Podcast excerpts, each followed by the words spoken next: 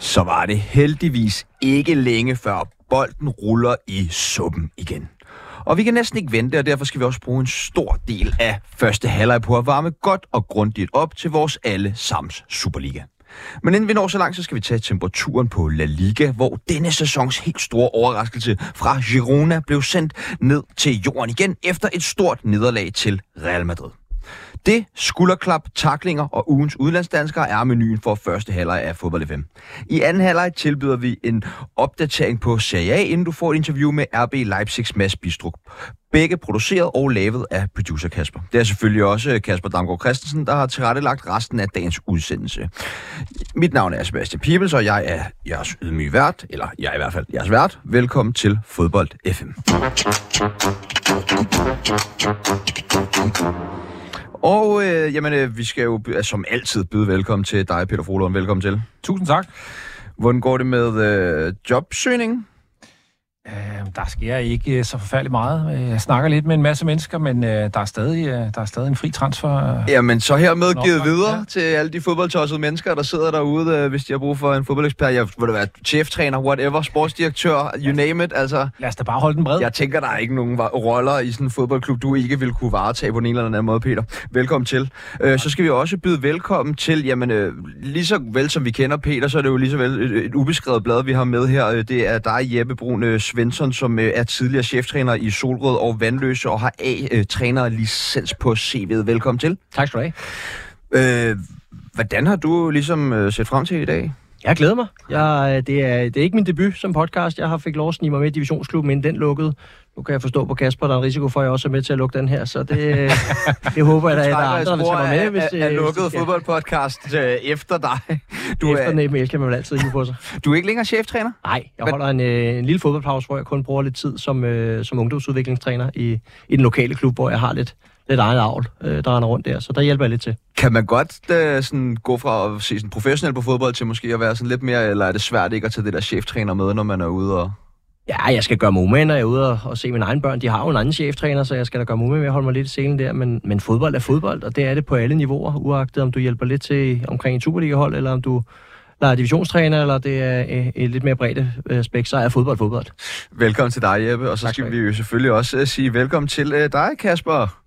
Jo tak, Sebastian. Du øh, er lidt træt i dag. Jeg var i Vegas i går, Du var i Mentalt. Vegas. Ja. så, øh, så jeg kan godt være, at jeg er lidt... Øh, Kom jo slæbende med dig selv herinde, smurt ind i nachos og botweiss Ja, og, ja, og øh, ja. hot wings. Og... og kan slet ikke snakke dansk mere. Og, ja, så øh, ej, vi var lige over og, og se Super Bowl, mentalt i hvert fald. Ja, tak. Øh, Kasper, vil du også bare starte med det et skulderklap? Jo, øh, med skulderklap, den, øh, vi skal til Spanien, og vi skal til Bernabeu, øh, og vi skal til Jude Bellingham, Ja. som jo igen igen spillede en rigtig, rigtig god kamp ja. i en super vigtig en af slagsen.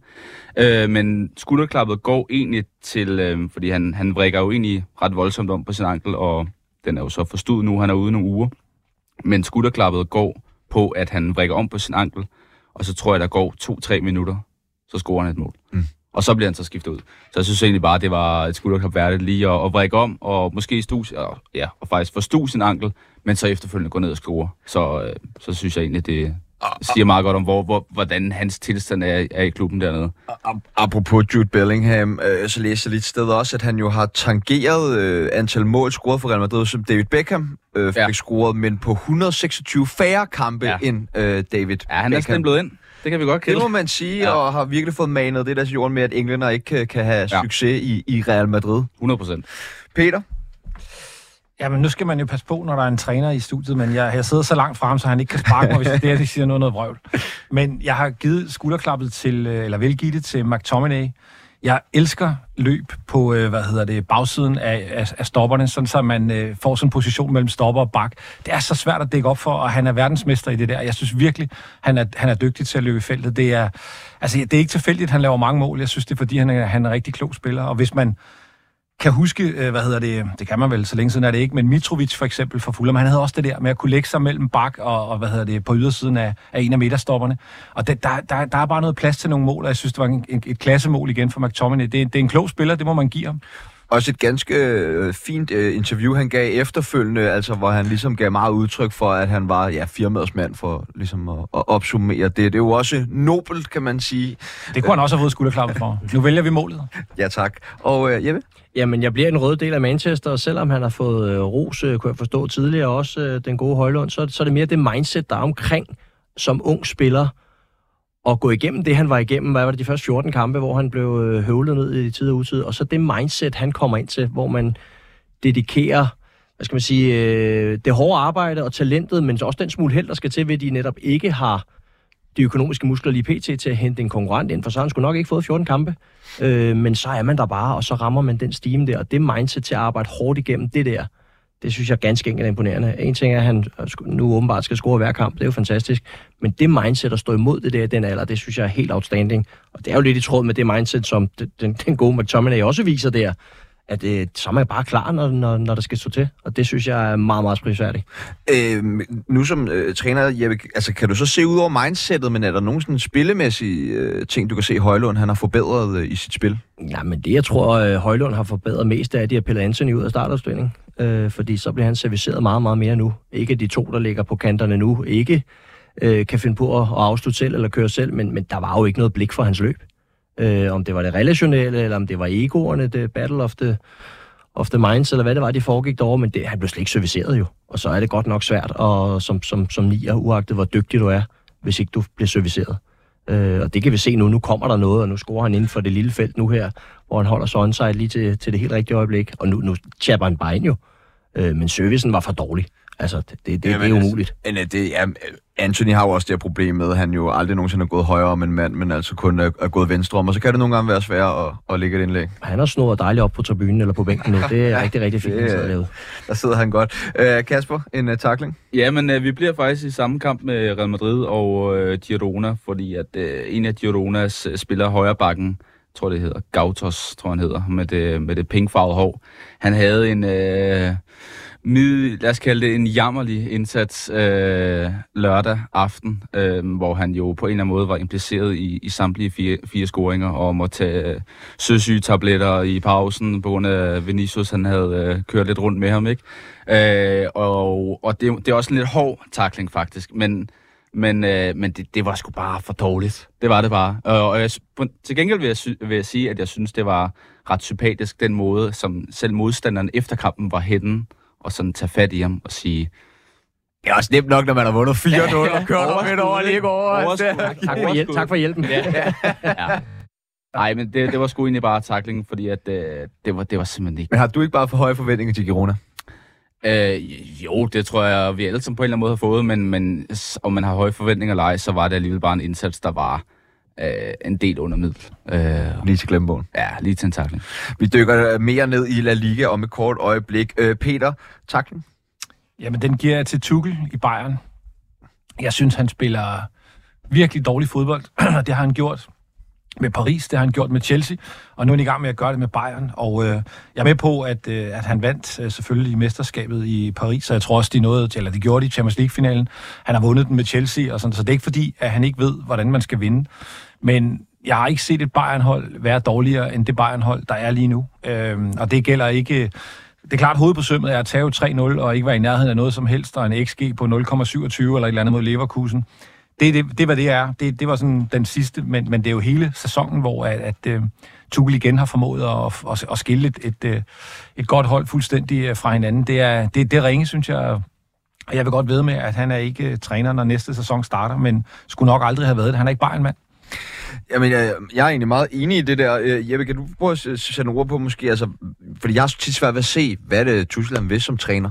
Ja, men han er også, øh, han, han tilpasser sig undervejs, og det kan man sige, det er nok farligt at gøre en klub som Bayern, som har den selvforståelse, de har. Nu så jeg ikke øh, kampen mod Leverkusen, men jeg kunne forstå, at de også ændrede lidt om i deres bagkæde, og måske stadig op med tre dernede. Og alene det mindset, der kunne jeg forestille mig, der sidder nogle af KF'erne både på tribunen og direktionsgangen og siger, det gør vi bare ikke. Altså, det er ikke den måde, vi, vi går, går til kampene. Der er de altså mægtige Bayern i deres selvforståelse, og så øh, må det briste eller være. Og Jeppe, en tak for dig også. Ja, men jeg vil godt lave en klokkeklar takling til direkte rødt til det blå kort, der er blevet øh, foreslået, fordi det, det synes jeg lyder fuldstændig vanvittigt, hvis man skal til at indføre tidsubegrænsede eller tidsbegrænsede øh, udvisninger i, i topfodbold. Mm. Altså det hører sig til i breddefodbolden, hvor det administrativt bliver for tungt. Så, så et gult kort må lige give en, en lille booster, og så skal der ikke sendes noget ind til hovedkontoret. Men, men, men tanken om, at at dommerne nu også skal veksle mellem forlomme, baglomme, øh, sidelomme, brystlomme, øh, sokkeholder, eller hvad de skal gemme de alle de kort i, det synes jeg er fuldstændig vanvittigt. Kompleksiteten er så stor, som selv med fjerdommer og varvogn, er det svært nok at navigere det der. Og en tidsbegrænset øh, udvisning, tror jeg kan have voldsom kampafgørende indflydelse, især i kampens slutfase, hvor jeg lige kunne forestille mig, et tvivlsomt øh, mål på en offside, der måske, måske ikke skulle være fundet på var, og så er der nogen, der farer flint og brokker sig, og så rører der to-tre mand ud i 10 minutter, som vil være resten af kampen. Det, jeg forudser noget kaos, hvis man indfører det der på topniveau. Ja, jamen øh, det begynder at minde en lille smule om en håndboldkamp også, når ja. det skal være med, med to minutters udvisning. Vi mangler bare lige for evigt ind over højtalerne, når der ja. bliver scoret. Præcis, og så jeg bare for at komme ind også, altså lav nu bare et regelsæt, så det gule og det røde kort virker. Det er jo det, det handler om, at man synes, at grænserne er lidt for flydende, og så skal man lave noget, der ligger ind imellem. Ja, eller også så skal man bare rykke grænserne for det andet, så det passer. Altså, det, det er sådan... Vi har jo henstilling, vi har gule kort, vi har ja, advar, altså vi har, vi har det, der skal til ja. i lovbogen i forvejen. Det her, det vil være den nye var, øh, diskussion, oh, som vi jo ikke er færdige med. Oh, God. Som vi jo ikke er færdige ongoing, med. Ongoing. Ja. Om de må gerne lige vente en halvanden måneds tid med at indføre det der blå kort, så slipper vi for at skulle tage hånd i hanke med det. uh, lytterne har også det heldigvis også lige meldt ind med skulderklap og takling. Uh, Lasse Elgård Fodsko, skulderklap til Elfenbenskysten og resten af deltagerne i AFCON skal have ros for, at niveauet er blevet bedre. Takling til øh, Garnacho fra Kim Schick Riskovs. Garnachos ego-trip bliver opslidende at se på, særligt når det ikke fører til en.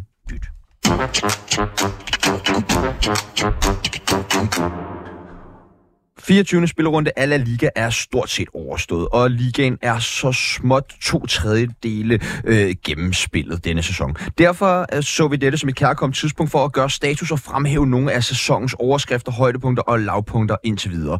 Og det får vi øh, heldigvis hjælp af øh, af journalist og kommentator på TV2 Sport Martin øh, Gottschalk, som i dag er med på en telefonforbindelse.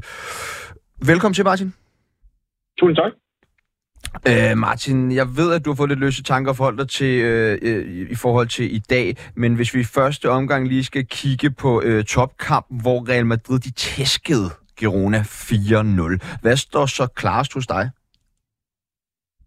Ja, det var virkelig lammet til. Øh, jamen, det står klart for mig, at den der øh, eventyrfortælling, som øh, der var om Girona, om, om de virkelig ville kunne stå distancen hele vejen og, og byde en, øh, en magtfaktor som Real Madrid op til dans i La Liga, den øh, skal vi nok pakke sammen igen, fordi altså, det vi så i lørdags, øh, nu sad jeg selv og kommenterede kampen, det, det var jo øh, en, en, en magtdemonstration af en anden verden, og det var også som om, at, at man så, hvad det er, øh, det er for et mandskab, når de kommer op på den, på den helt store scene, fordi de mødte jo også Real Madrid tidligere på sæsonen, der fik de også bank 3-0, selvom de havde chancer for at, at score tidligt i den kamp også.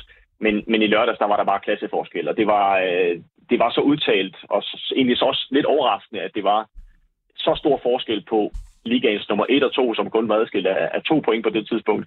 Så det var et Girona-mandskab, som i hvert fald ikke kunne leve op til det, som, som ja, mange af os er blevet betaget af i løbet af sæsonen, hvor de jo har uddelt tæv til, til mange hold og har ja, besejret Barcelona med 4-2 og Atletico Madrid med 4-3. Så, så den præstation i, i lørdags, øh, det var i hvert fald øh, noget, som, øh, som efterlod indtrykket af, at, at Real Madrid de er ja, ikke bare øh, store favoritter, men altså gigantiske favoritter til at, at vinde det mesterskab.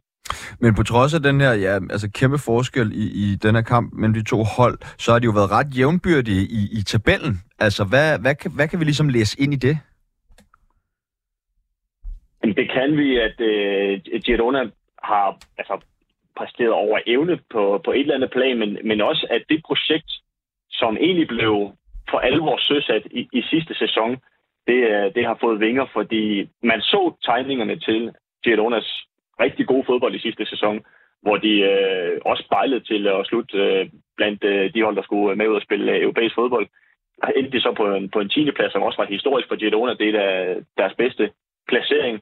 Men det var også med, med, med den spillestil, som de praktiserede den her sæson, og det overraskende har egentlig været, at de til den her sæson mistede deres topscorer Castellanos, de mistede deres store midtbaneprofil, hvor det var Romeo, som de solgte til FC Barcelona, der er han så blevet flop. Men, men det var nogle af de bærende kræfter, som de egentlig sagde farvel til. Og alligevel har træner Mitchell, som øh, skal have en stor del af æren for, hvor godt det er gået, formået at implementere de nye spillere, samtidig med, at han har formået at, at køre videre med den spillestil, som rigtig mange klubber i La Liga simpelthen ikke har kunne håndtere. Det har været så dynamisk, det har været med, med nogle øh, altså, af de mest fremtrædende kantspillere, som øh, har gjort livet fuldstændig surt for øh, deres modstandere. Og så har Mitchell også bare ramt rigtigt med nogle spillere, som ikke har kunne bruges andre steder. Øh, han har hentet Daley Blind ind, som man troede måske egentlig var på vej til at have sådan en retrætepost i sin karriere, hvor han ikke rigtig skulle så meget. Han kunne ikke bruges i Bayern München. Han er slået til i, øh, i midterforsvaret. Garcia, der ikke kunne bruges i FC Barcelona, var lige pludselig også en vigtig spiller. Og så er det blevet suppleret med nogle andre øh, dygtige spillere, som, øh, som Savio på, på kanten, som har været en af de allerbedste i hele ligaen. Han stivnede så fuldstændig i lørdags. Og så øh, Kauto i den modsatte side, som også har helt indlæg ind i, i hovedet på Artem Dovbyk, som øh, vi alle nok husker fra, fra Superligaen, hvor ja, han i hvert fald havde slet været imponere ret mange i, i tiden i, i Sønderjysk og FC Midtjylland. Øh, jeg vil gerne lige høre jer her i studiet. Øh, først dig, Peter. Altså, hvad, hvad ligger du i, at Girona ligger med i toppen af, af La Liga, men alligevel er der så stor afstand til, til dem og Real Madrid? Øhm, ja, er det et udtryk for niveauet i ligaen? Det ved jeg ikke. Altså, det er det jo selvfølgelig nok, øh, men jeg, jeg synes, at øh, set herfra, så øh, altså, skal man jo huske, at, øh, at Citigroup ejer 41 procent af Girona, så det er jo ikke sådan et, et, et hold, der kommer ud af ingenting og har fundet ud af, at de har lyst til at spille fodbold, og så gør de det. Så det er jo, det er jo et godt hold, men, men selvfølgelig øh, tror jeg måske, de ligger lidt højere, end de ville gøre, hvis Atletico spillede, som Atletico plejer, og, og Barcelona har vi jo talt om mange gange her, er, er lidt, lidt bagud. Så jeg tror egentlig, det kan godt være, at de spiller en smule over niveau, men det er jo lidt udtryk for, at nogle af dem, som normalt vil gøre dem rangen stridig, øh, har lidt problemer med, med, hvor de er lige i øjeblikket. Det, det vil være min øh, vurdering sådan set udefra. Nu ved jeg ikke, har vi en ekspert med, det kan han jo så øh, fortælle, om han er enig i, men, men, øh, men det er min forklaring. Øh, men altså, det er jo selvfølgelig øh, er, der jo en del hold, som ikke har, har præsteret, som man ligesom er vant til den her øh, sæson. Nu nævner øh, Peter jo blandt andet Barcelona og øh, Atletico Madrid. Man tror også, man godt kunne sige øh, Sevilla, selvom de også har kæmpet med det øh, de senere par år i, i La Liga. Men Martin, hvor vil du ligesom vurdere altså Gironas niveau i forhold til, ja, hvis, hvis alle ligesom spillede op til det, vi forventede af dem? Jamen, jeg, jeg vil egentlig sige, at, at, at Barcelona og Atletico Madrid, ja, de har måske spillet under niveau, men de har stadigvæk hentet relativt mange point, når vi kigger på det sådan i en historisk kontekst. At Girona efter 24 runder kun har tabt to kampe, og begge de kampe, de har været til Real Madrid, at det er sensationelt. Altså, det er noget, som, øh, som de ikke kommer til at, at gentage på, på samme måde. Altså, efter deres sæsonpremiere mod øh, Real Sociedad, hvor de spillede uafgjort, der vandt de 14 af de efterfølgende 16 kampe, så det er jo en, en, en fuldstændig vanvittig stime, som de formåede at sætte sammen ja, det har så været kombineret af, at FC Barcelona har, har kæmpet en del med det, og at Atletico Madrids ja, lidt øh, slingerkursstil, øh, den ikke rigtig har kunne, øh, kunne leve op til, så det, vi nogle gange har set fra Diego Simeone, når han har sat øh, sin mesterskabssæsoner sammen. Så Gironas udbytte den her sæson, det, det har taget fusen på mange, og så er det selvfølgelig rigtigt, at der har været nogle, øh, nogle, øh, nogle ting øh, fra, øh, fra City Football Group, som selvfølgelig også har, har en stor del af, er igen for den fortælling, som de er i gang med i forhold til, at øh, de har sprøjtet penge i, øh, i fornyelse af træningsanlæg, og at de netop har kunne øh, gøre sådan, at Girona kan mønstre nogle af de spillere, som, øh, som det kan på deres hold. Eksempelvis Savio, som jeg nævnte, som, som er en del af det her ja, netværk fra, fra City Group. Han er jo, han er jo lejet i Troyes, som også er en del af, af det her øh, City Football Group. Så, så der er en masse tråde, der ligesom binder det sammen, og det gør jo, at, at Girona kan, kan bruge nogle andre midler end, øh, end mange af de andre konkurrenter i, i ligaen. Øh, Jeppe, nu ved jeg ikke, hvor, hvor meget du følger med i La Liga, men altså, hvor holdbart vurderer du det her Girona-projekt til at være? Nej, men jeg vil sige, det maskinrum, som de har fået med ind med det ejerskab, det tror jeg ikke, man skal underkende. Adgang til specialister, adgang til data, adgang til nogle spillere, som kan se øh, Girona som en, som en mellemlanding til at enten øh, havne i en blå del af Manchester, eller hvad de kunne tænke sig bagefter. Det, det tror jeg ikke, man skal underkende. At de, de præsterer nok øh, lidt over evnen, fordi det ikke er et hold, vi forbinder med at ligge med i toppen af La Liga. Øh, Real Madrid er øh, tæt på deres peak, tror jeg, den cyklus, de er ved at bygge op med deres hold så kan man jo se, om de tilføjer en franskmand langt om længe mere her til, til, til sommer, så, så, så kommer de til at pike voldsomt det næste år, hvor både Barcelona og Atletico Madrid måske ikke er helt der i den cyklus, man skal bygge et hold op omkring, som det så har et peak. Der er Barcelona øh, lidt langt fra og har også en, en strategi, der måske handler om, at vi skal undgå konkurs øh, og må hive noget ind, som ikke ikke er der, vi skal bygge noget op omkring Lewandowski og den slags navne. Det er jo, det er jo fem år, otte år for sent, de fik hævet ham ind. Ikke? Øh, så på den måde tror jeg, at der er nogle andre hold, der, der underpresterer i forhold til, når de piker. Og Real Madrid kører nok i deres øh, en klasse for sig selv. Det tyder på, at de har styr på økonomierne, når de kan byde ind på, på det, de byder ind på. Og så Girona har altså et bagvedliggende netværk, som jeg ikke tror, man skal underkende. Altså det, det, det know-how, den ekspertise, de, de, de finansielle muskler, der direkte eller indirekte ligger bag øh, det projekt, det tror jeg betyder mere, end man lige tror. Martin, øh, jeg tænker på, efter det her nederlag øh, til Real Madrid, øh, som jo var en rimelig entydig affære, men tror du, at det her nederlag sætter sig sådan, så voldsomt i Girona, at det påvirker den resterende del af sæsonen, eller tror du egentlig godt, at de kan ride videre på den her meget, meget positive bølge?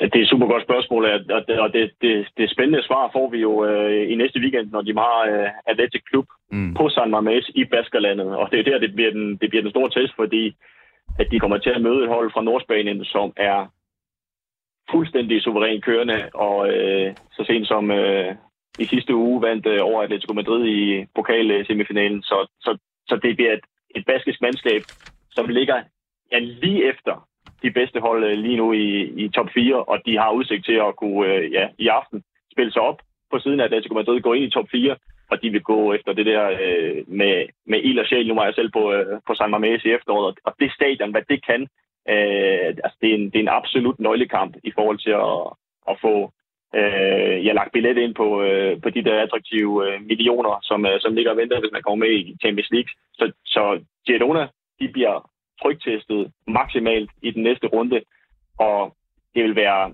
ja, lidt skørt at sige, at de vil øh, ryge ud af top 4, men jeg vil sige sådan, det, den første halvdel af sæsonen, den har været ja, på, på, et, på et niveau, som jeg tror, de får svært ved at leve op til i den, i den næste halvdel, som vi, som vi er i gang med nu her. Og så kan det godt være, at ja, Real Madrid skal ud og spille Champions League-kampe, og at øh, Atletico Madrid øh, også stadigvæk øh, måske skal spille øh, pokalfinale, øh, hvis de kan komme at lave comeback mod Atletic Klub, og der er andre hold, som, som har nogle andre turneringer, som de stadigvæk skal holde fokus på, hvor Girona, de kan, de kan tænke på ligaen. Men, men jeg tror virkelig, de kommer til at blive, øh, de, de kommer til at blive presset. De har så mange point nu, at de selvfølgelig er en, en, en favorit til at slutte i top 4, men, men øh, man skal ikke altså, man skal ikke være blind for, at, at det her baskiske mandskab fra Atletic Klub, hvis de får vind i sejlene, så har vi lige pludselig Barcelona, Atletico og Atletic Klub, som ligger og presser Girona voldsomt i forhold til top 4-kampen. Øh, Real Madrid har vi jo selvfølgelig været en lille smule inde på nu, men altså, kan du ikke også lige prøve at sætte nogle ord på, Martin? Hvad er det, som øh, Real Madrid lykkes med i, i La Liga i den her sæson kontra sidste sæson? Ja, sidste sæson, der gik det jo sådan lidt i øh, en form for, øh, for autopilot øh, resten af sæsonen, hvor de fokuserede på Champions League og lidt solgte ligaen til, til FC Barcelona, øh, efter at, øh, at de godt kunne se, at det ville blive svært at, at, øh, at vinde mesterskabet. Så, så denne sæson, den har været lidt atypisk, også fordi at forventningerne til Real Madrid inden sæsonen var sådan lidt øh, med de store spørgsmålstegn. De har lige sagt vel til Karim Benzema, som øh, har været deres nøglefigur offensivt, ham der skulle score alle målene, da han tog til Saudi-Arabien. Og lige en sæson går Courtois i stykker, hvor man tænker, okay, det er måske to af de, de vigtigste spillere i, i de største kampe, som Real Madrid kommer til at mangle. Og så i premieren, så går Militao også i stykker, som virkelig har gjort det godt i, i midterforsvaret i sidste sæson. Så, så på trods af de tre nøglefigurer, som øh, Real Madrid måtte sige farvel til, lige inden sæsonen og lige i starten af sæsonen, så har Ancelotti bare alligevel fundet løsninger. Og det er det, der har været allermest imponerende ved Real Madrid i denne sæson, at et Real Madrid-mandskab, selvfølgelig med den bredde, der også skal til, men har formået at navigere udenom alle de problemer. Og hver gang, at de har mødt stor modstand, jamen så har de formået at, at besejre det, de har tabt. En kamp i sæsonen, og det har været til Atletico Madrid. Og ellers, ja, så har de jo øh, næsten gjort, øh, gjort rent bord, og de øh, var også i problemer i Clasico, man kan sige. Det er måske ikke den, den mest fortjente sejr, de, øh, de to mod FC Barcelona, men de leder alligevel et comeback. Og, og som den store figur i den fortælling omkring, hvordan Real Madrid har klaret sig, der er det selvfølgelig at Jude Bellingham træder frem som en spiller, som man jo ikke havde forventet ville levere det slutprodukt, som han er kommet ind i ligaen med, fordi altså, man, man ja. snakkede om, hvem skal score målen, og, og, og svaret det kom jo bare allerede i, i de første runder af sæsonen. Ja, øh, og jeg gad også lige kaste over til dig, øh, Jeppe. Altså, hvad for en spiller er det, øh, Jude Bellingham han er? Jamen, det er en fantastisk spiller. Øh, meget, meget komplet, som jeg ser det, og så er han utrolig dygtig til at være der, hvor, øh, hvor tingene skal afgøres. Øh, han har jo gået under radaren ved, at han ikke øh, slog igennem i England, tror jeg. Øh, så har man nok under, undervurderet, hvor dygtig han egentlig var. Øh, så så det, er, det er virkelig, virkelig godt hentet af ham der, også fordi der er, der er lang løbetid på ham endnu, og, og, og den, den cyklus, som de påbegyndte, nu kan man sige, det, det kan godt være, at nogen mente, det var en svækkelse at sende Benzema øh, længere sydpå, men, men det har jo vist sig at være en rigtig beslutning. Øh, den, den timing, de har eksekveret nogle af de udskiftninger med at have de unge up-and-coming øh, stjerner hentet ind i en meget, meget ung alder, øh, det, det er virkelig, virkelig flot eksekveret. Det tyder også på, at de har styr på baglandet, de har styr på deres rekruttering, og de har styr på deres økonomi så ikke man er nødt til at træffe nogle forhastede beslutninger og hive noget forkert ind på det forkerte tidspunkt. Synes du, Casemiro havde den sidste år, øh, hvor de sælger ham for øh, 100 millioner euro til øh, Manchester United, er et sindssygt godt øh, eksempel på øh, den måde, som øh, Real Madrid ligesom har, har, har drevet deres handler på. Og United hvordan de har drevet deres handler på.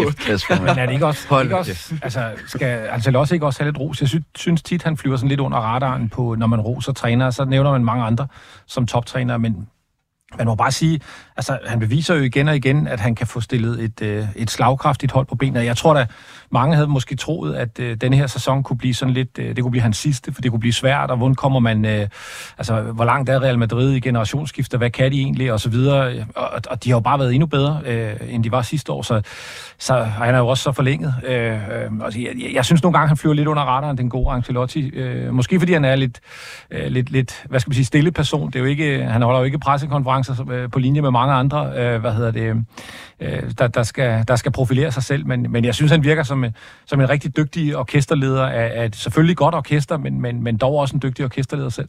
Jeppe? Jamen, så tror jeg, han er helt outstanding til at navigere i det, i det omklædningsrum, som også bærer kæmpe egoer, men som Nemlig. vi sjældent hører blusse ud uhensigtsmæssigt. Øh, der, der tror jeg bare, at Ancelotti han navigerer virkelig, virkelig dygtigt på de indre linjer, men også i hans... Øh, hans udsving er ikke så store. Mm. Hverken på pressemøder eller på sidelinjen, eller, eller sikkert heller ikke i omklædningsrummet. Men, øh, men han er, det, det er virkelig, virkelig dygtigt arbejde, han laver, men jeg tror især på, på den der mandskabshåndtering, er han virkelig, virkelig stærk. Martin, tiden er ved at løbe øh, fuldstændig fra os, men vi bliver simpelthen også lige nødt til at, at vende kæmpeklubben øh, Barcelona. Øh, kan du kort lige prøve at sætte os ind i, altså hvor pilen peger hen for, for de katalonske giganter? Ja, uha. Altså, øh, jeg læste forsiden af dagens øh, store katalanske sportsavis Mundo Deportivo i dag, hvor de brugte et ord, som jeg synes egentlig er meget rammende for FC Barcelonas sæson, og det var fragilidad, altså det betyder skrøbelighed. Og den blev jo bare udtalt øh, i aftes, da vi så dem øh, spille mod næstsidste pladsen, Granada, fordi øh, når man, når, man er, når man tidligere har været vant til at se, hvordan Xavi, Iniesta, Busquets osv. har kunne kontrollere en kamp og, og forsvare en kamp med bolden, så er der ikke noget for Barcelona, der hedder kontrol, balance, noget som helst. Og sådan en, en pligtsejr, som det skulle have været i aftes på hjemmebane, det findes bare ikke i Barcelonas terminologi længere. Så, så, så det der med at sige, okay, hvor peger det hen? Lige nu, der peger det et sted hen, hvor FC Barcelona skal være glad for at slutte i en top 4. Øh, de har pointene til at skulle ja, udfordre andenpladsen, og jeg tror ikke på dem overhovedet i mesterskabskampen.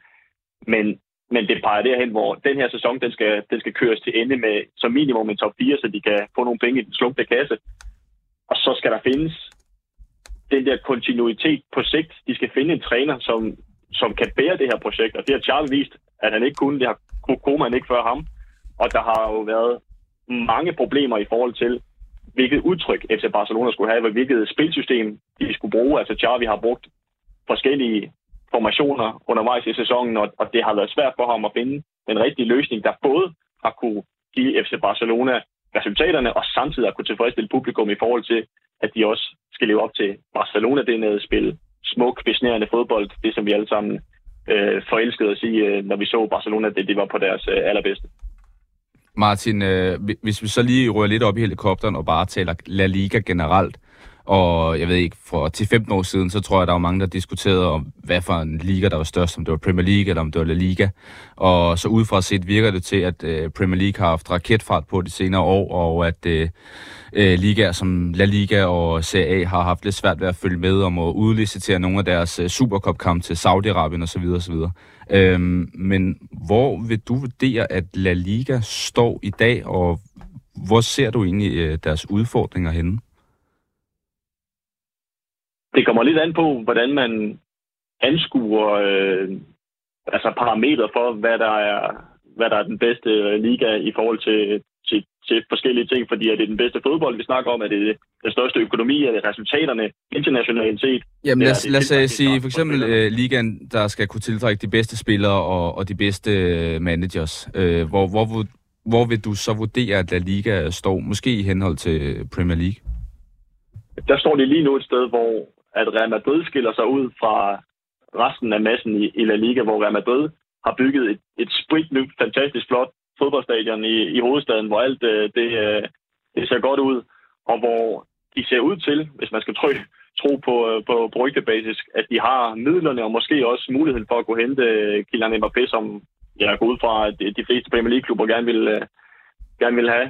Øhm, så, så på den måde, ja, så har La Liga i hvert fald en klub, som er i stand til det, som, som øh, lad os sige, Premier League øh, og måske Paris Saint-Germain, måske øh, Bayern München, nogle af de, de, de største klubber, er i stand til. Og så er der så et, et hold som Barcelona, som ja er en stor klub, men som finansielt ikke er det sted, hvor de kan hente spillere på den hylde, og bliver nødt til at kigge på, jamen, hvad kan de få på fri transfer, hvad kan de få andre steder. Så, så, så rent tiltrækningskraftmæssigt, ja, så, øh, så er øh, La Liga såret. Det er ikke bare et, et, øh, et sted, hvor de øh, som førhen jo bare plukker lige præcis det, de vil have. Det, det er kun Real Madrid, der er i en position, hvor de kan ja, udfordre nogle af de, øh, de allerstørste i, i international fodbold. Og, og det monopol, som de jo havde også på, på titlerne øh, tidligere, det er jo selvfølgelig også blevet brudt med den engelske dominans, som vi har set, og med hvordan Manchester City og, og før det Liverpool, Chelsea øh, kom bullerne frem. Martin øh, Gottschall fra TV2 Sport, tusind, tusind tak, fordi vi lige måtte ringe til dig, og god- rigtig god arbejdsløst i aften. Ja, tusind tak. Tak for det, hej.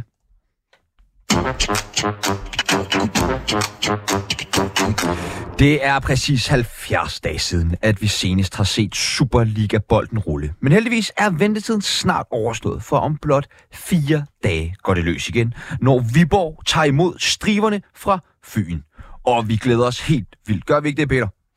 Jo, altså det må jeg sige, det er, det er kæmpe, kæmpe stort, at uh, ligaen kommer i gang. Den rigtige liga kommer Ja. ja. i gang. Vi kan jo godt snakke uh, La Liga og Serie A og Premier League og alt det der, men den rigtige liga starter nu. bisnak, ikke? Nemlig, det er det. Det er opvarmning til det, det handler om, og øh, det, bliver, det bliver virkelig, virkelig sjovt. Og så er det jo en fed, øh, en fed ting. Altså sidste år havde vi spænding om top 6. Det har vi måske ikke, øh, eller det har vi ikke den her gang. I hvert fald ikke, øh, som det ser ud øh, lige nu.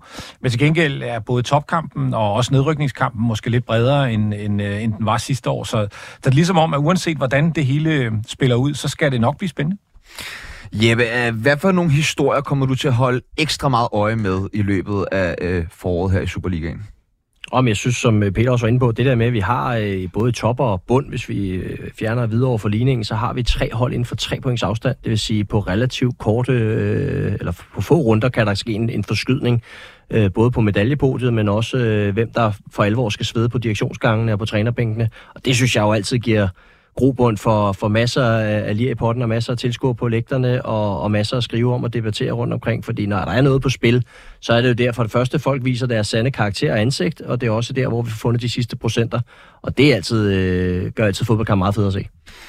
Kasper, hvad, øh, hvad glæder du dig allermest til den her Superliga-sæson? Eller forårssæson? Jeg tror, for, i første omgang, så tror jeg bare, jeg glæder mig sindssygt meget til at komme tilbage på stadion. Mm. Altså, jeg glæder mig så meget. Det skal du allerede i morgen jo. Ja, det skal jeg jo allerede i det morgen. skal du allerede i morgen. Ja, ja, det og skal det, vi også snakke om. det, det kan jeg næsten ikke engang forholde mig til. Altså, det, det synes jeg, ja, det er helt surrealistisk. Uh, nej, i første omgang tror jeg bare, jeg glæder mig sindssygt meget til at komme tilbage på stadion og se noget, noget fodbold, som måske ikke altid er så prangende og så sexet og smukt, men det er sgu noget, man kan forholde sig til. Og, øh, og jeg tror bare, at ja, de senere år, der Superligaen, den er bare vokset på mig, og jeg tror i takt med, at Premier League er blevet større og flere og flere penge, så tror jeg bare, at Superligaen er blevet mere og mere nær for mig. Øh, så ja, jeg glæder mig bare sindssygt meget til at komme tilbage på, på stadion. Hvad synes, øh, hvad synes du, Jeppe, som Superligaen kan, som, som andre ligaer ikke kan? Nå, men jeg synes jo, den, den udvikling, som Superligaen har været igennem i de sidste mange, mange år, hvor, øh, hvor år for år er der blevet taget store step øh, på tribunerne, fylder utrolig meget for mig, øh, at der er det tryk og den stemning, der er, om der, om der sidder, nu har jeg været over og, og se Premier League-kampe også, øh, blandt andet på det største stadion derovre i den røde del af Manchester, og, og det, det tryk, der kan komme fra kulisserne på, til et dansk derby for eksempel, det, det står jo mere end mål med det, der foregår der. Og den lydkulisse, den stemning omkring det, det der foregår på Grænsvær, nu er vi også øh, langt hen ad vejen ved at have stillet så mange krav til banen, at, at de fleste har et, et, en stadionbane, der, øh, der det meste af året er, er hederligt, der synes jeg stadig, vi har plads til forbedring for det produkt, vi gerne vil se alle sammen, så ikke tilfældighederne kommer til at fylde alt for meget. Men jeg synes, vi har løftet barn hele vejen rundt i dansk fodbold igennem mange, mange år. Det, det tænker jeg også øh, spiller igennem i, at vi nu øh, har et dansk hold, der skal spille på tirsdag, og, og, og niveauet hele vejen rundt er blevet løftet. Det synes jeg øh, gør hele produktet sindssygt spændende så er det også bare vores liga jo. Altså det, det, er, jo, det er jo, vi skal se, hvad, hvad, hvad kan øh, den klub, man holder med, og, og så har man jo sandsynligvis også, øh, hvis man holder med en, nogen man holder lidt mindre med, og hvordan, har man, øh, hvordan er balancen i forhold til det, og sådan Altså, det er bare noget andet, når det er vores egen, øh, vores egen liga, og, og den udvikling, den er i, og den, den synes jeg nemlig også har været positiv. Og jeg synes egentlig også, øh, altså det, det, der har været af den indtil nu, den her sæson, har også været, været ganske godt, og med, med pil opad. Så, så altså, det er jo også for at se, om, om det bliver ved med at gå fremad. Øh, det, det, det ser sådan ud, det synes jeg. Øh, jeg synes, vi har virkelig gode trupper i, i de hold, der ligger øh, fra 1 til 5 i, i, i top 6. Det synes jeg ikke altid, man har set. Og sådan, så, så det bliver bredere og stærkere hele tiden. Det er jo absurd tæt i, i, i, i toppen af Superligaen, også i bunden, men i, i forhold til den her topstrid, sidder I så ikke alle sammen lidt med den fornemmelse af, at ja, det skal nok blive spændende og tæt, men FCK, de skal nok løbe med til sidst? Jo. Jo. Kasper? Det håber jeg da. Ej, jeg, jeg er faktisk ret nervøs for FC Midtjylland. Okay, men så lad os starte hos dig. Hvorfor? Øh, øh, jamen, jeg tror bare, at FC Midtjylland, de satte jo bare en øh, vanvittig steam sammen her i efteråret, og øh, nu har de haft øh, to måneder, øh, hvor de virkelig har kunne finjustere og være på træningslejre og gjort alt, hvad de har kunnet for at danne de her øh, personlige relationer mellem spillerne, for det er jo en masse nytilkommende spillere i FC Midtland, og vi så jo bare allerede øh, overfladen af, hvad det er, de egentlig har, har søsat i FC Midtland. Så jeg tror faktisk, hvis jeg skal tage en, øh, en, øh, en kasket på, øh, en fankasket, så tror jeg, at det er FC Midtland, jeg er mest nervøs for, fordi at, øh, jeg synes, at det var rigtig, rigtig fornemt, det de øh, fik øh, strukket sammen her til slut i efterårssæsonen. Skal øh, Kasper som FCK-fan være mest nervøs for Brøndby eller FC Midtjylland i din optik, Jeppe? Jamen, med de nøgterne briller, så skal han også være mest bekymret for Midtjylland. Altså, det er det, det, de har fået øh, skrabt sammen efter en, en, en lidt famlende start, hvor mange nye, nye trænere skulle ind og sætte sit præg for alvor derovre. Der, der er det rigtig, rigtig solidt, og det er rigtig, rigtig dygtige spillere. Og jeg tror også, de har de økonomiske muskler til at afvise bud og vente på, at det er den rigtige timing, og ikke nødvendigvis det rigtige bud. Og det betyder rigtig meget. Det er jo også et kvalitetsstempel til, til den danske liga, at vi har kunne holde på de profiler, som der åbenlyst har været efterspørgsel på, også for større klubber, større ligaer, men, men klubberne har nu haft de økonomiske muskler til at sige, at vi venter. Vi skal lige se, om vi kan jagte den øh, guldmedalje, den sølvmedalje, den, hvad det nu er, de, øh, de har som intern målsætning. Så nu, nu afviser vi lige, og så ser vi, om der kommer et tilsvarende bud eller bedre, eller dårligere til sommer, men vi har så lige givet det et reelt skud. Og det er jo positivt, at det ikke bare er én klub eller to klubber, der har gjort det nu her. Så jeg tror også, hvis vi 20 starter lidt med medaljebarometer, der har jeg også øh, de gode, øh, de gode ulve for Herning som, øh, som næststørste favorit til mesterskabet. Jamen lige inden vi kaster så guldbarometer, så vil jeg gerne lige have noget hos dig, Peter, og høre, altså, hvad skal gå galt for, at FC København ikke bliver danske mester? Det, der skal gå galt, det er jo nogle af de ting, vi også så i efteråret, at, at øh, man fortsat har lidt, øh, lidt defensive udfordringer en gang imellem, og, og har lidt problemer med at få, øh, få lavet den her helstøbte indsats hver gang. Øh, man havde lidt problemer med at vinde på hjemmebane i en periode, eksempelvis. Øh, der var mange kampe, der var Champions League, og var det derfor og sådan noget. Det er jo, det er jo sådan noget, vi skal se, fordi altså, det, det der jo er lidt fedt. ikke flere undskyldninger nu. Det er der ikke, øh, og man har også øh, handlet en rigtig dygtig forsvarsspiller ind, og, og har man ikke, altså men det, der er så fedt, det er, at det er jo en ret tæt, øh, ser det i hvert fald ud som om, kamp mellem tre hold.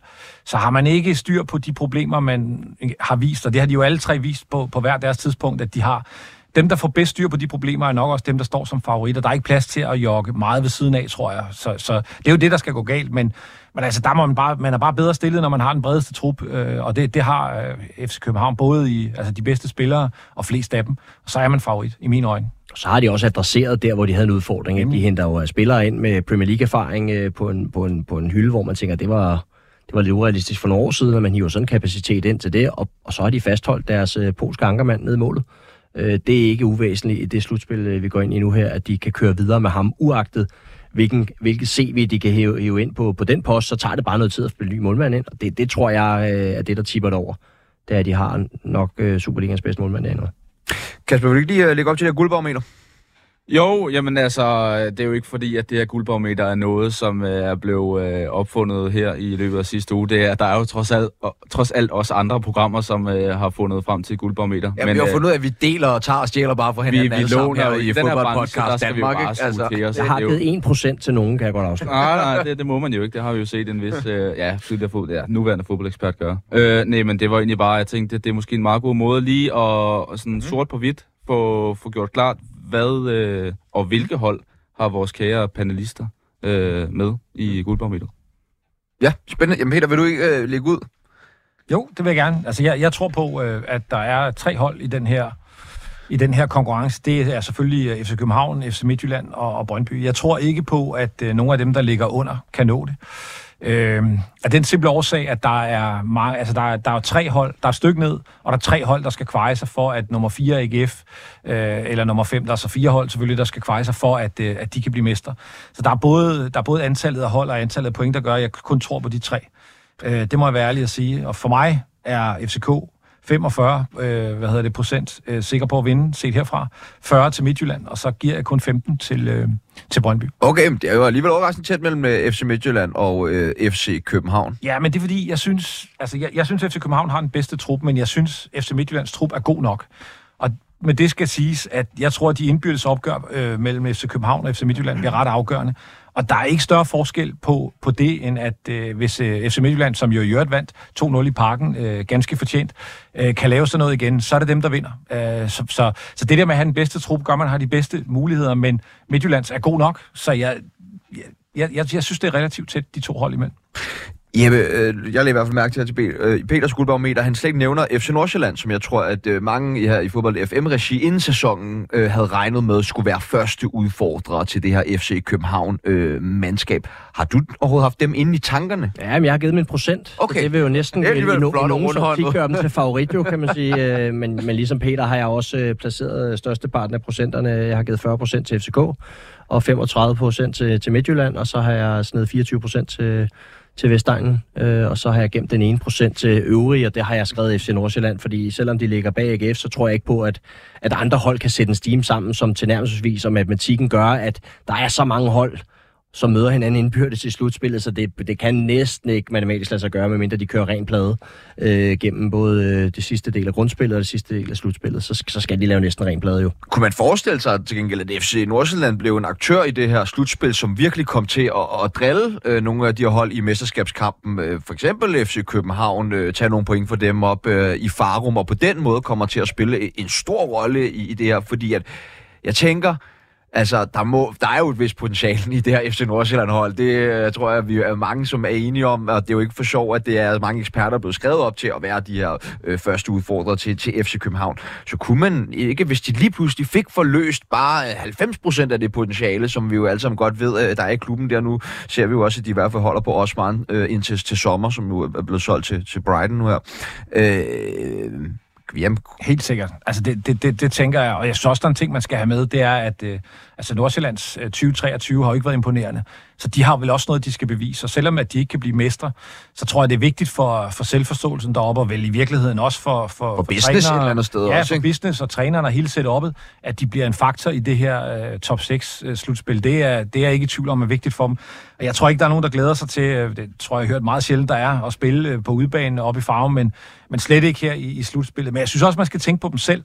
Altså 23 kan ikke have været tilfredsstillende. Øh, Vi kan jo alle sammen huske, hvor meget øh, man førte Superligaen og tabte det i foråret, øh, og hvordan efteråret jo bare helt ærligt ikke har været godt nok, øh, hverken set med deres eller andres øjne. Så der ligger også et pres på dem for at præstere. Jeg tænker ikke det, at vi melder dem ud af guldkampen, giver dem øh, fri adgang til at spille, øh, som de har lyst til. Der skal nogle point på bordet, ellers så, så bliver der noget at tale om her også. Generelt tror jeg, ja, undskyld, at jeg, jeg bryder ind, men øh, generelt så tror jeg bare, at jeg glæder mig sindssygt meget til den her top 6, fordi umiddelbart så sidder man... tænker, AGF udebane er heller ikke sjovt at spille jo. Det, det, altså, Altså. og de taber bare ikke kampe, Nej. Nej. AGF. Det gør det ikke. Og jeg tror bare, at AGF kan godt gå hen og blive den her joker i det her top 6, der på en eller anden måde kan gå hen og afgøre lidt mesterskabet.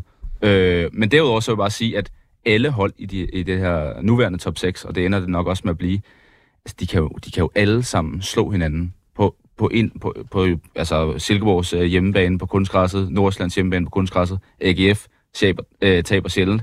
Og så er der de tre øverste, så jeg, jeg håber ikke, at det bliver sådan et forår, hvor det handler om at, at tabe færre dumme point, men hvor det i højere grad handler om at, altså at gå planken ud, og så gå efter sejrene. Øh, Mesterskabet kommer ikke til at blive krydset hjem her. Det kan ikke lade sig gøre. Der er simpelthen for hård kamp om det, og det vil sige, de, de seks hold, som du selv beskriver det, hvis vi fryser stillingen nu, så vil de på en god dag jo kunne slå hvem som helst. Altså, så kan nummer, nuværende nummer, nummer 6 sagtens slå nummer 1 på en god dag. Især måske på eget græs, hvad enten det er lavet af det ene eller andet materiale.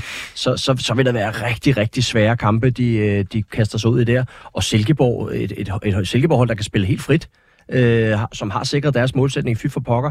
Det er ikke, det er ikke en, øh, en rar kamp at score og spille til, hvis du har kniven for struben, og du ved, at øh, de andre har spillet en fredags øh, eller, eller tidlig kamp, og du så øh, skal over slå dem derovre og nødt til at blotte dig øh, så spiller de altså for, for god fodbold, og, og AGF'erne er heller ikke en, en nem modstander at ligge ned. Øh, så, så jeg tror, øh, der kommer kniv for struben øh, på mange, mange hold deroppe. Og Men det er jo sådan, det skal være. det skal det. Det er fantastisk. Det er jo sådan, det skal være. Jeg synes nogle gange, Altså, vi har haft det blandt andet OB, ikke for at genere dem, men vi har haft sådan en turisthold med i top 6 nogle gange.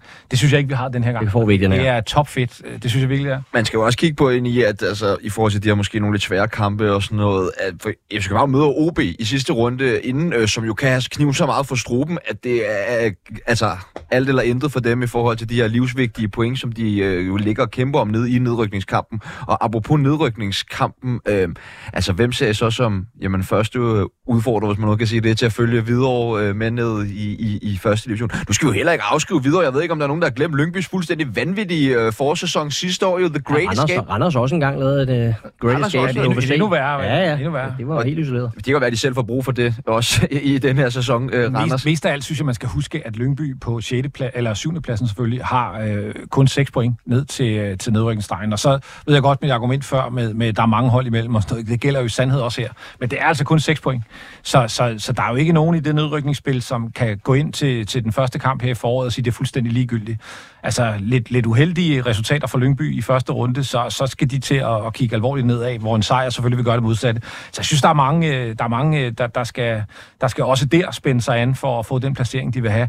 Men jeg synes, Randers, altså for mig er, er virkelig et hold, der, der, der ser skidt kørende ud. Vi må også se, hvor, hvor Vejle står oven på den her uh, lidt sjove øh, episode med, ja. med, med, hvad hedder det, den her øh, køber og alt det her, om, om det har nogen indflydelse. Det kan jo gå begge veje, kan man Jamen, det kan det, og det er det, altså, det, hvor havner den, det synes jeg også er super interessant. Men mest af alt, så synes jeg, at øh, hvis man ser bort fra sådan noget udenom, så alene kigger, kigger på fodbold, så vil jeg være bekymret i Randers. Jeg synes, deres projekt, øh, det startede skidt, så havde det en kort opblomstring og sluttede rigtig skidt.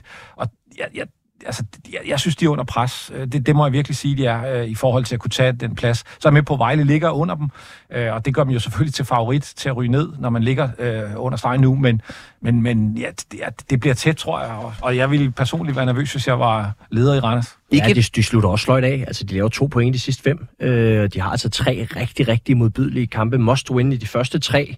Øh, er det videre? Jeg kan ikke huske, om det er hjemme eller ude. Og så har de Lyngby og, videre, og Viborg. Og hvis ikke de laver laver mange point i dem, så, så venter der altså to rigtig, rigtig modbydelige kampe med Midtjylland og i Nordsjælland, inden, øh, inden det deler over. Og det vil sige, hvis, hvis ikke de har fået slået et hul der, så tror jeg, at der er mere nervøsitet der på ledelsesgangen og potentielt set på trænerbænken, hvor de ikke har eksekveret noget, øh, trods lidt store udsving, så kunne man godt frygte, at der, der vil ske noget på den front også. Hvad med OB, Peter? Skal de ikke lige have en sviner med på vejen? Ej, ej, ej, det skal det ikke være. Altså, må ikke de bliver nummer 8? Ej, jeg ved det ikke. Jeg, jeg synes også... Øh, jeg synes også øh, jeg synes, det er en, en sindssygt spændende, spændende tid, de går i møde. Altså, der, der har jo også været en del turbulens.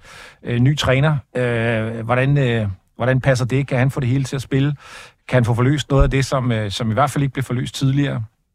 Jeg har jo selv, det skal jeg være ærlig at sige, mange gange her så sagt, at jeg synes, det er mere end træneren, der, der har været udfordringen i OB. Det finder vi jo måske også lidt ud af nu, øh, hvor, hvor, langt, hvor langt de er. Men, men altså, OB ligger jo også øh, skræmmende tæt på, og hvis de kommer dårligt fra start, og der, der noget af den uro, der var, øh, forplanter sig igen, så, så, vil jeg heller ikke, øh, så vil jeg heller ikke føle mig sikker derover. Og store klubber kan rykke ned, det skal man huske. Altså, OB er ikke for store til det her. Jeg har prøvet det før, Jeg har prøvet det hvor før. de også var for gode til et at rigtig rykke godt hold, faktisk. Det er jo så OB i sidste sæson, ikke? Jo. Øh, nå, vi, øh, vi, tiden er, løber fuldstændig fra os i dag. Vi har haft alt for meget spændende på programmet, men vi skal lige simpelthen nå at vende den kæmpe kamp, som FC København står overfor i morgen, hvor de skal møde mægtige Manchester City på hjemmebane i Champions League. Øh, Jeppe, altså hvad er det for en opgave, FC København står for? En umulig en? Ja, den er i hvert fald uhy- uhyggeligt vanskelig. Altså, øh, jeg vil sige, øh, nu gik jeg tilbage lige og kiggede på sidst, de mødte hinanden i parken, hvor FC, øh, hvad hedder det, Manchester City ikke komme stærkest de fastholder også en nordmand på bænken. De får et rødt kort efter, jeg tror det er 30 minutter, og alligevel så dominerer de statistikkerne fuldstændig i forhold til boldbesiddelse og chanceproduktion. Så, så FCK skal ramme øh, over to kampe, to virkelig, virkelig peak-kampe, og så skal tilsvarende sige det. Altså, der, der bør være så stor forskel på kvalitet, og nu har de fået gang i, i to af deres allermest afgørende øh, spillere, Kevin De Bruyne og, og, og nordmanden, der, der høvler mål ind, som man har lyst til det op. Havde de to ikke været med, så vil jeg sige, så, så, så havde der måske været mulighed for at få, få fedtet lidt hjem, men, men jeg tror, øh, procenterne der er, øh, er ikke særlig gunstige i, i vores, øh, vores hovedstadsklubs fører. Peter, hvis du nu havde fået til opgave at skulle tale FC Københavns chancer op, hvordan vil du så gøre det? For det første vil jeg sige, at øh, altså, da, øh, FC København bliver ikke kørt over i Europa på hjemmebane. Det er ikke sket øh, sådan rigtigt øh, på noget tidspunkt, øh, sådan i nyere tid. Og det synes jeg, man skal, man skal tage med. Altså, de, de har spillet 0-0 med dem hjemme, og jeg er enig i, at, øh, at øh, rødt kort og, og, og City dominerede og sådan noget. Men altså, og havde jo også vundet øh, 5-0, så havde jeg jo ikke behov for ved alle de der ting. Men FC København er et svært hold at slå på hjemmebane. Jeg er ikke sikker på, at, øh, at City, selvom de siger, at de ikke undervurderer dem, så er jeg ikke sikker på andet end det kunne de godt finde på at gøre lidt. Så på en god dag med, øh, med, med masser af medvind, øh, og det kan være, der kommer et rødt kort igen, så, så ved man aldrig. Altså, det, det gør man ikke, men over to kampe, så ryger de ud. Spørgsmålet er bare, hvordan, altså, hvordan det kommer til at se ud efter den første kamp. Og jeg vil ikke være sådan voldsomt overrasket, hvis, hvis den på en eller anden måde stadig er live, når den skal til Manchester. Og man kan sige, at den største fordel, de har, det er, at de groft sagt har alt at vinde. Altså, de har, de har mere end indfriet deres målsætning. De får den, den kassekamp, den omtale, den øh, kæmpe oplevelse, det vil være for, for byen og tilskuerne. Og så, så er der jo ikke nogen selv i deres stille center, der sidder og tænker, at de har en realistisk chance, så derfor kan de gå ud og spille fuldstændig frit. Og der har de altså nogle dygtige spillere i FCK, som godt kan gå ind på City på en god dag.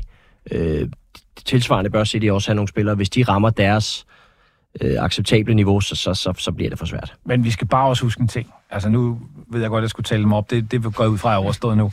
At, øh, hvad hedder det? At, det var ikke længe, du holdt ud. Det var ikke længe. Jeg, jeg prøvede, ja, det klart flot. Jeg prøvede, jeg prøvede. Det var, det var virkelig fede 30 sekunder. Nej, men, men prøv at høre. Altså, i forhold til alt andet, FC København har mødt øh, indtil nu i Europa øh, på hjemmebane, så det her er det bedste hold, man har mødt. Og det er oven i købet på et tidspunkt, hvor de spiller godt. Altså, da man mødte Bayern, øh, det var en super flot øh, præstation på hjemmebane, men man møder et Bayern, som det sagde jeg også øh, lige før i min, min takling, som ikke rigtig spiller som Bayern. Det er stadig en flot præstation, jeg skal ikke pille noget ved den, men City kommer øh, godt spillende, med De Bruyne tilbage, med Holland tilbage. Altså, man møder dem på et, på et grimt tidspunkt. Det gør man altså. Det, det, er, det, det er virkelig, virkelig et godt hold. Og det skal man huske, også hvis det går lidt galt, at, øh, at det, er, det er et hold på et niveau, danske hold meget, meget sjældent spiller mod. Og i særdeleshed over to kampe. Altså, det, det er en kæmpe faktor. Det er, det, det er den store favør. Det vil det til, øh, til hver en tid være. Hvis de bare skulle spille en enkelt kamp, så er det... Ja, ja, så kan du have stolpe ud, stolpe ind, øh, tidligt rødt kort, øh, en mirakelredning for Grabar eller fem. Øh, så, så, så kan det ske. Men, men det, er, men det er, det er, hvis de blå kort havde været indført, så kunne vi håbe på lidt der, men, men det bliver over to kampe, der skal det vil være en, en fadese af City og ryve til FCK. Jamen, øh, det lyder ikke som om, at man skal gøre sig sådan de helt store forhåbninger om at se øh, FC København excellere i Champions League. Jeg, jeg tror, hvis man bare kan have altså 5% håb når, når man skal på udebane til Etihad. Det kan du drikke dig til. 5% håb, det ved jeg. Der skal ikke så meget til. Hvad er det, menu 1, du kalder det? Eller ja, det menu 1, en lille stribe der. Ja, det er godt. Øh, ja, ej, vi glæder os. Ja, ah, men øh, fremragende på det, at vi når desværre ikke med i dag. Vi vil gerne lige have været noget ugens udlandsdanskere. I kan få et par af lytternes med på vej ud her. Kim Sigridsgaard skriver øh, Rasmus Højlund, som fortsætter hans vilde målfest. Jesper Rune Hjel Sørensen. Jeg overvejede Luca Prip, der gør det flot ned i Tjekkiet, men mit valg er faldet på den tidligere Randers-spiller Emil Ries, der i weekenden scorede for Preston i sejren på 0-2 ude mod Cardiff, hvilket var hans første mål, siden han kom tilbage fra en skrækkelig skade. Respekt til Emil, og fedt, han er på vej tilbage. Og også respekt til Jesper Rune Hjel Sørensen, hvor meldt en uge efter uge. Det var de sidste ord af øh, første halvleg af fodbold 11, hvor jeg har haft besøg af Peter Frohlund og debutant Jeppe Brun Svensson. Øh, vel, tak til dig, Jeppe, for at møde op i det, og selvfølgelig også tak til dig, Peter. Øh, og så har vi haft Martin Goldschak med til at gøre os lidt klogere på La Liga-sæsonen via en telefonforbindelse. Tak til alle jer.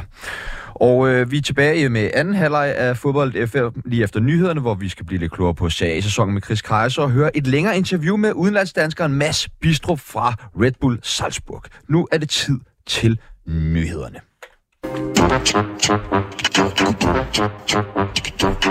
Puta dançada, puta dançada.